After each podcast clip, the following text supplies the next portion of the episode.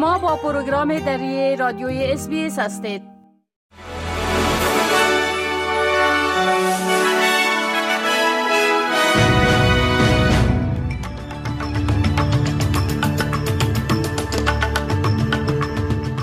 با عرض سلام ما صاحب شکیب شما را به شنیدن مهمترین اخبار امروز 15 ماه سپتامبر سال 2023 دعوت می کنم. صدر اعظم انتونی البنیزی نظریه خود را برای آینده انرژی در استرالیا تشریح و انتقال به منابع انرژی پاک ارزان و قابل اعتماد را وعده داده است. صدر اعظم امروز هین صحبت در سیدنی گفت استرالیا توان بالقوه تبدیل شدن به یک ابرقدرت انرژی قابل تجدید را دارد.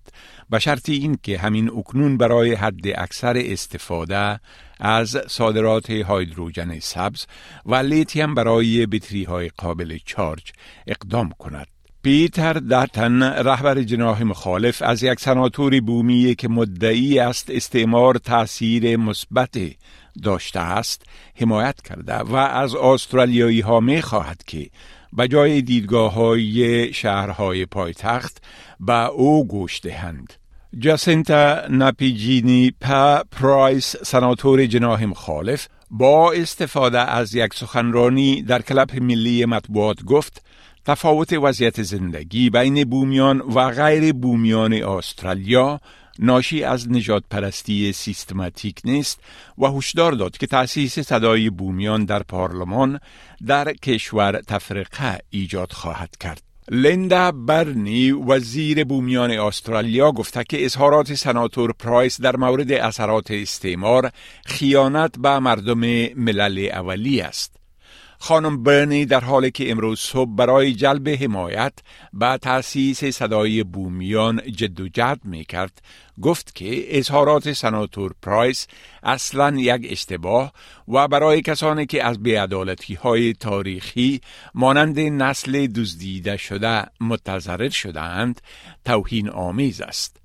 نماینده سیاسی استرالیا در ایران در اعتراض به آخرین دور تحریم های این کشور به دلیل نقض حقوق بشر توسط حکومت ایران به وزارت خارجه آن کشور احضار گردیده است. شازدافیر استرالیا در تهران به خاطر به گفته حکومت ایران اظهارات مداخلگرانه استرالیا و تحریم چهار طبعه ایرانی به وزارت خارجه ایران فراخ خوانده شد.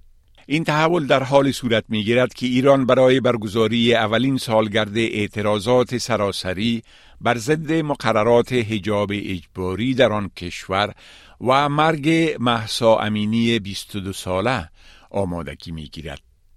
محمد خالد حنفی سرپرست وزارت امر به معروف و نهی از منکر حکومت طالبان مدعی است که حقوق زنان تحت حاکمیت این گروه پامال نشده است.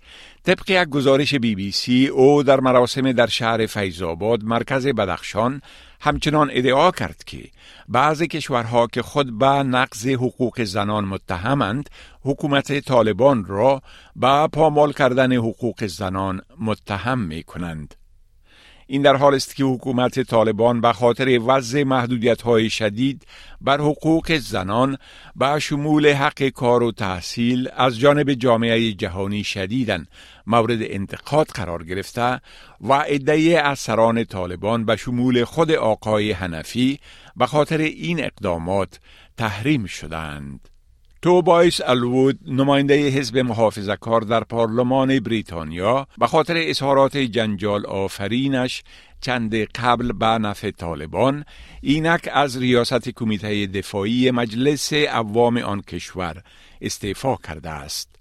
اظهارات این معاون سابق وزیر دفاع بریتانیا در ماه جولای در مورد اینکه وضعیت در افغانستان تحت حاکمیت طالبان بهبود یافته جنجال برانگیز و با موج از انتقادها روبرو شد.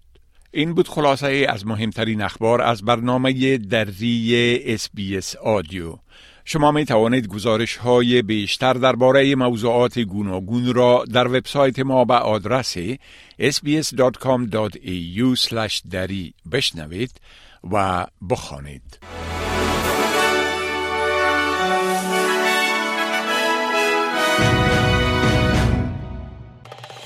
بپسندید، شریک سازید و نظر دهید. اسپیس دری را در فیسبوک تعقیب کنید.